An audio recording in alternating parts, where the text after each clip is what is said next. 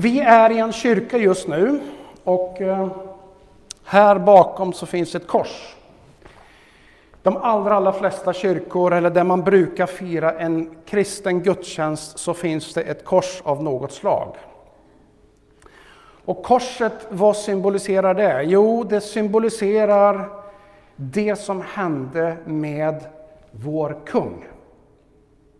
Det vill säga Jesus Kristus, Guds son som kom till jorden och som levde här och gick före, visade vägen.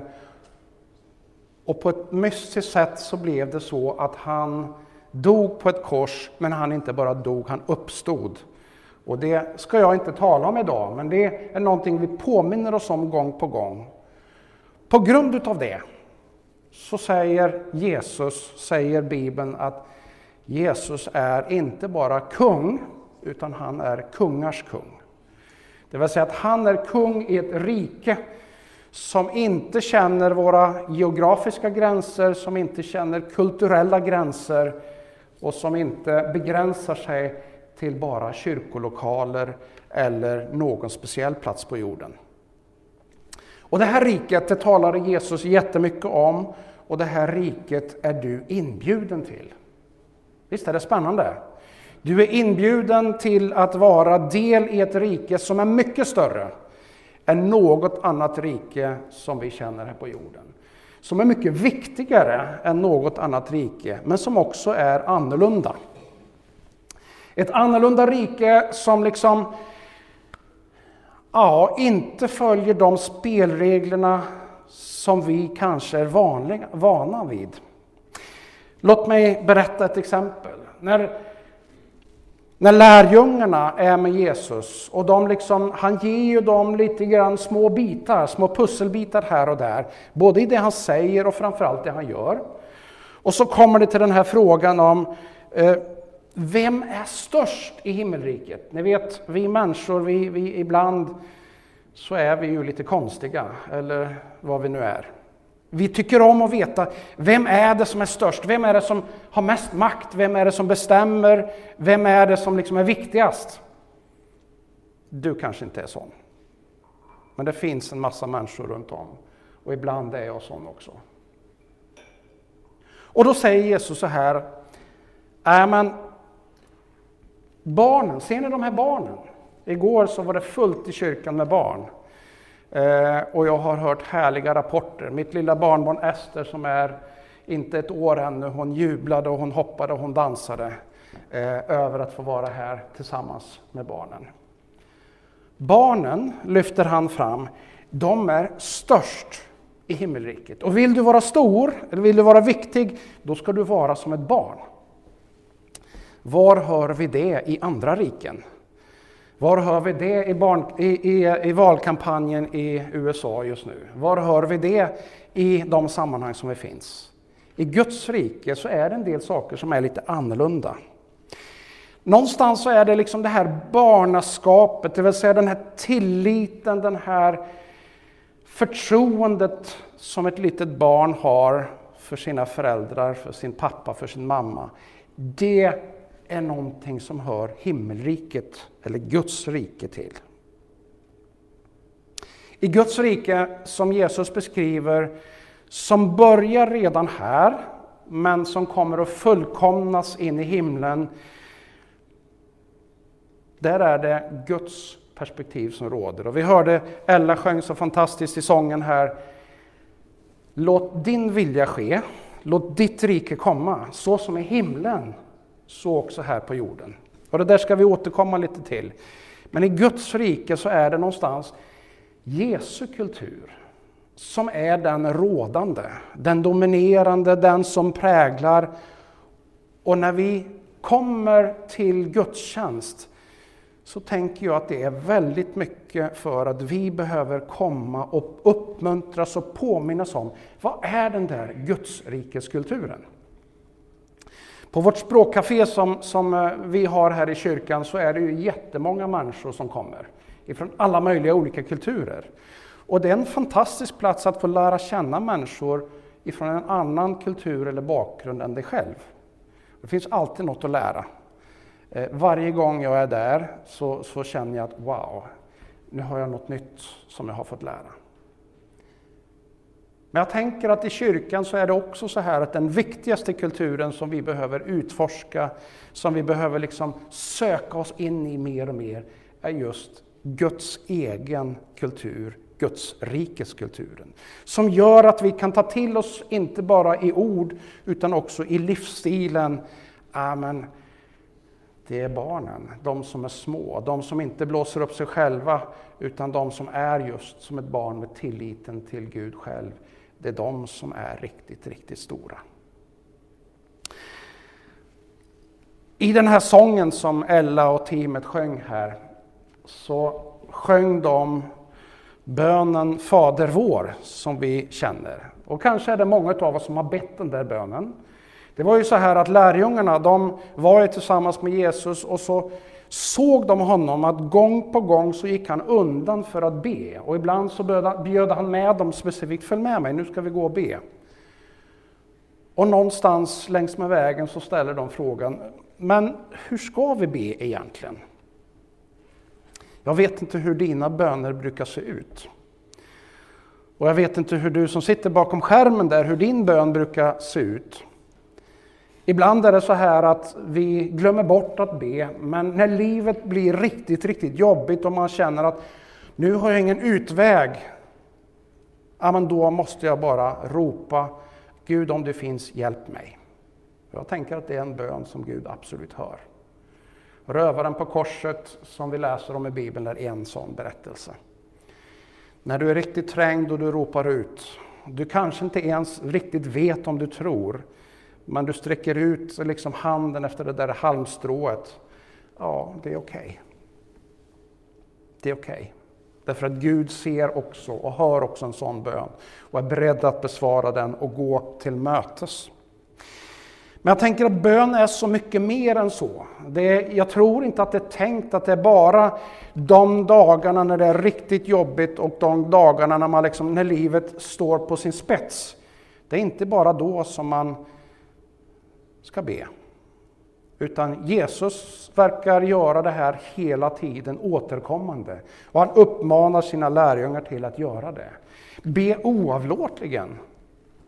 Det vill säga hela tiden, sluta inte att be. Och jag vet inte vad du har för bild då utav det här då. Är det liksom en sån där bön bara när livet är totalt krisigt? Är det på ett speciellt sätt? Det fanns en tid när jag kände så här att bön var väldigt mycket utav en önskelista till jultomten, typ. Eh, punkt efter punkt, Gud hjälp mig med det här. Det här behöver jag din hjälp av. Jag vet inte om du känner igen dig något i det. Jag ser åtminstone några som ler ett litet leende, så det kan tänkas att det är någon mer som har tänkt så. Och jag tänker att det behöver inte vara fel, men bön är så mycket mer. Jesus han säger som så här innan han undervisar dem om hur de ska be, eller när han börjar undervisa dem så säger han Hörrni, det där med många ord, det behöver ni inte liksom göra. Det är inte viktigt att ni liksom ska formulera så fantastiska ord och ha så många ord. För egentligen är det ju så här att Gud, han vet ju redan vad ni behöver. Innan ni har uttalat någonting så vet han redan dels vad ni behöver och dels vad ni kommer att säga. Så vad är poängen då? Varför skulle vi då be? Om nu Gud ändå liksom redan vet allting. Om jag nu har en sån där önskelista av något slag och Gud redan vet allt, varför behöver jag då formulera mig och be? Ja, en högst berättigad fråga.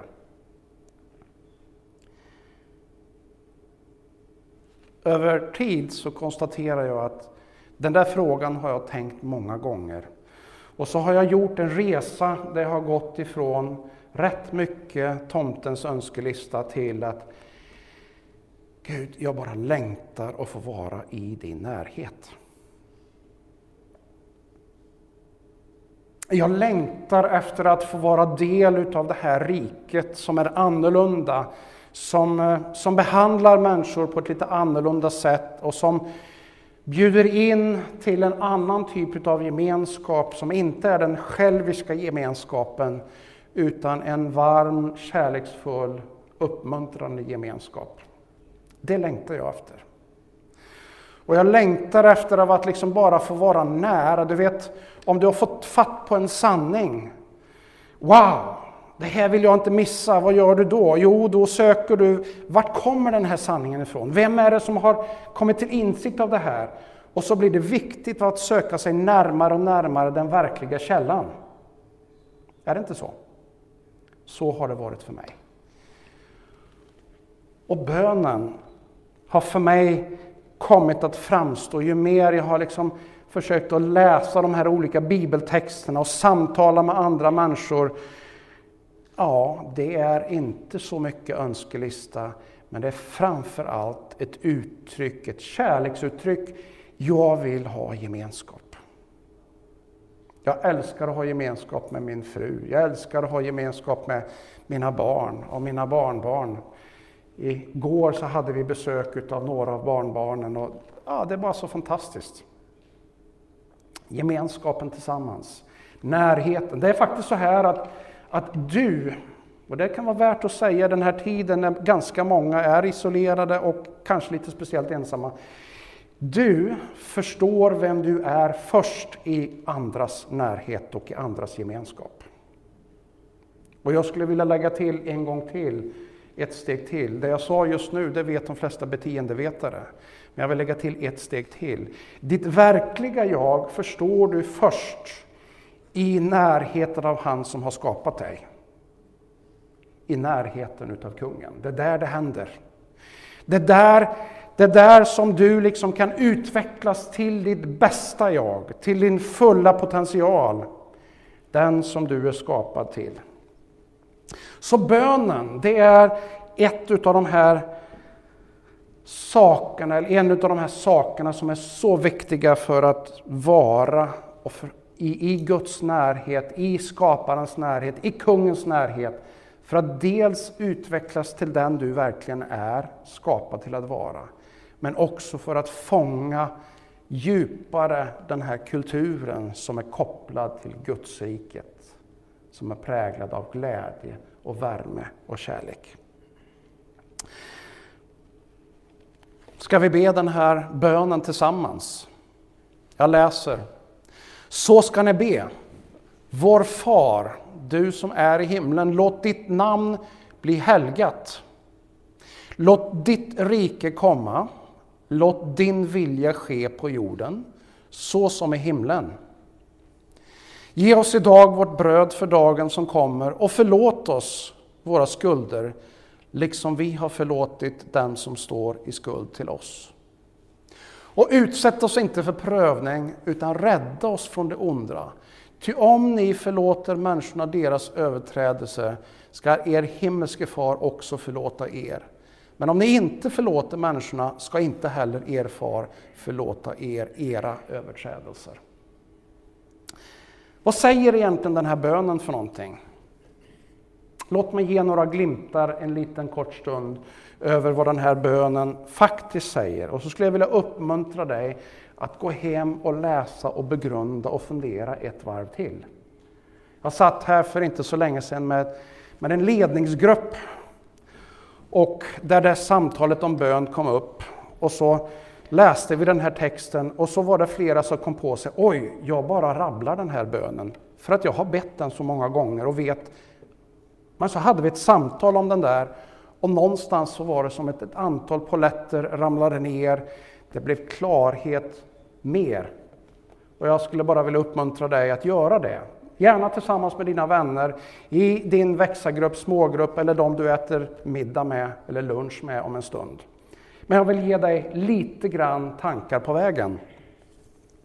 För det första så börjar det med Fader.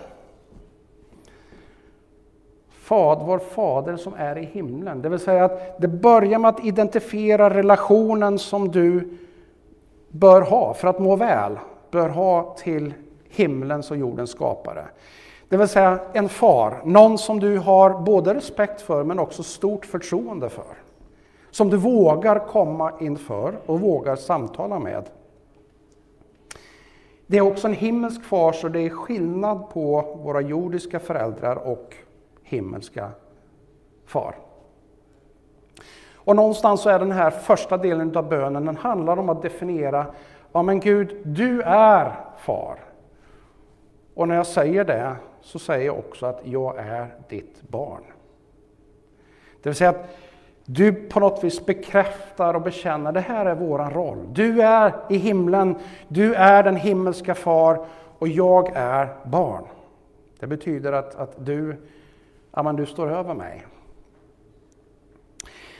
Guds namn, vem Gud är, omges med respekt och vördnad. Alltså namnet som Gud har, eller det som beskriver Gud, det bejakar jag i början av den här bönen.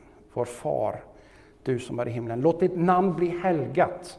Det vill säga, låt det vara speciellt, låt det vara upphöjt.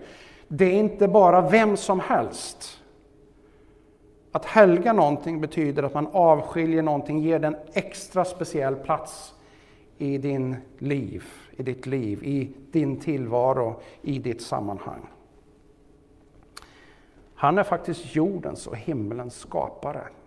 Han är konstnären som står bakom det fantastiska konstverk som vi kan se ute just nu. I dess alla olika färger. Har ni tänkt er att sätta upp en stor tavla på en konstutställning och sen inte liksom ge cred åt den som har skapat tavlan. Hur skulle det vara? Är det riktigt okej? Okay? Ja, det är det ju inte. Det skulle till och med kunna leda till rättegångar om, om att inte upphovsrätten respekteras fullt ut i vårt lagsystem. Men hörni, hur är det med att ge cred till han som faktiskt är jordens och himmelens skapare? Det här handlar den här bönen om, att börja och göra det. Guds rike välkomnas tidigt i den här bönen. Guds rike har vi pratat lite grann om, ett rike som är annorlunda. Och någonstans så, så, säger vi när vi ber det här, låt ditt rike komma. Det vill säga att låt din tanke, din kultur, ditt sätt att regera, låt det komma. Jag vill ta emot det i min närhet, i vår närhet. Jag tänker att det är en bön vi behöver be gång på gång. Och Guds goda tankar, det vill säga Guds vilja, det han tänker om oss, det han tänker om människorna, det han tänker om sin skapelse. Låt din vilja ske, så som den sker i himlen. Låt den ske. Det är en ganska utmanande bön, därför att någonstans så bjuder du in himmelske Gud, Far, skaparen av allt. Du bjuder in honom och bejakar hans vilja, hans förhållningssätt in i din tillvaro, in i ditt liv. Vad betyder det? Ja, det kan betyda att det finns saker som du behöver lägga ner för att ge plats åt det som han tycker är viktigare. Det finns saker som du tänker om dig själv som du kanske behöver tänka om. Därför att i Guds rike så är den som är stor, är den som har just det här barnaskapets perspektiv. Och så ber vi om brödet för dagen, det vill säga det jag behöver idag.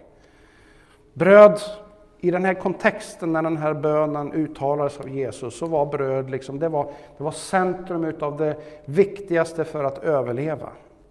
Och det är intressant för att bönen handlar inte om ge oss det här så vi klarar oss nästa månad, eller nästa år, eller inte ens nästa vecka, utan det handlar om just nu. Och vad betyder det då? Jo, det betyder ju att om du liksom ska fortsätta ha den här relationen så behöver du be den här bönen imorgon igen. Och i övermorgon igen. Och nästa dag igen. Det vill säga att den här återkommande relationen, behovet, jag behöver dig idag, jag behöver dig imorgon, jag behöver dig i övermorgon. Inte bara när livet är riktigt, riktigt jobbigt. Och så landar det någonstans i förlåt oss. Förlåt oss det vi har gjort fel. Precis som vi också förlåter andra. Vad handlar förlåtelse om? Jo, det handlar om att sätta människor fria. Guds rike handlar om att det är fria människor. Människor med en fri vilja att välja man kan bara älska faktiskt om man har valt att älska. Man kan bli lockad till att älska, men du måste själv välja att älska. Och kärleken är en av de här sakerna som speciellt präglar Guds riket. Förlåtelsen, både om att be om förlåtelse och ge förlåtelse, är så centralt. Därför att det sätter människor fria och det sätter dig fri också. Utan det så blir det problem i relationen både med dig själv men också med dina medmänniskor. Det finns mycket mer som man skulle kunna säga. Jag stannar där. Utforska den här bönen. Jag har skickat med några tankar. Samtala med dem som står dig nära. Vad betyder den här bönen för oss? Vilket du gör det nu efter den här gudstjänsten, vilket du gör det runt fikat, kaffekoppen, någonstans, lunchbordet eller någon annanstans. Samtala med någon. Vad betyder den här bönen för oss? Vad betyder den här för mig? Det här riket, vill jag verkligen bejaka det? Bönen, den kalibrerar dig rätt. Jag vet, ett, ett, ett instrument som har strängar eller så behöver stämmas. Om man inte gör det så låter det förfärligt. Har ni varit med om det någon gång? Det låter förfärligt. Och den behöver stämmas med regelbundenhet. Det räcker inte bara en gång så är det klart. Möjligen ett elektroniskt instrument, men liksom sådana här riktiga instrument, om jag nu får säga så. Då. De behöver stämmas regelbundet. Så är det med bönen också. I hans närhet så händer det någonting. Då får du komma precis som du är, med det du har. Och så får du bara överlåta Gud, Jesus, gör vad du nu finner bäst. Och där, i hans närhet, så har han möjlighet att återaktivera det DNA som du en gång skapades med. Att sätta igång det så att du får börja likna den du är skapad för att vara ännu mer.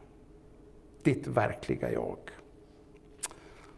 Och min sista fråga är, vad är ditt nästa steg? Vad gör du med det här? Ja, jag skulle vilja uppmuntra dig, samtala med några.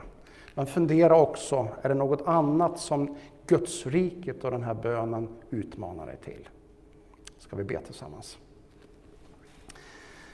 Gud i himlen, tack för att du bjuder in oss till ditt rike som är annorlunda än allt vad vi känner. Och Herre, när vi nu ber den här bönen, när vi samtalar om den här bönen, när vi läser den, Herre, ge oss lite mer ljus utav vad ditt rike handlar om och vad den här bönerelationen handlar om. Och Herre, kom och möt oss i bönen, hur den än är formulerad, vad den än bottnar i. Men möt ett ärligt hjärta. Jag bara ber dig i Jesu namn. Amen.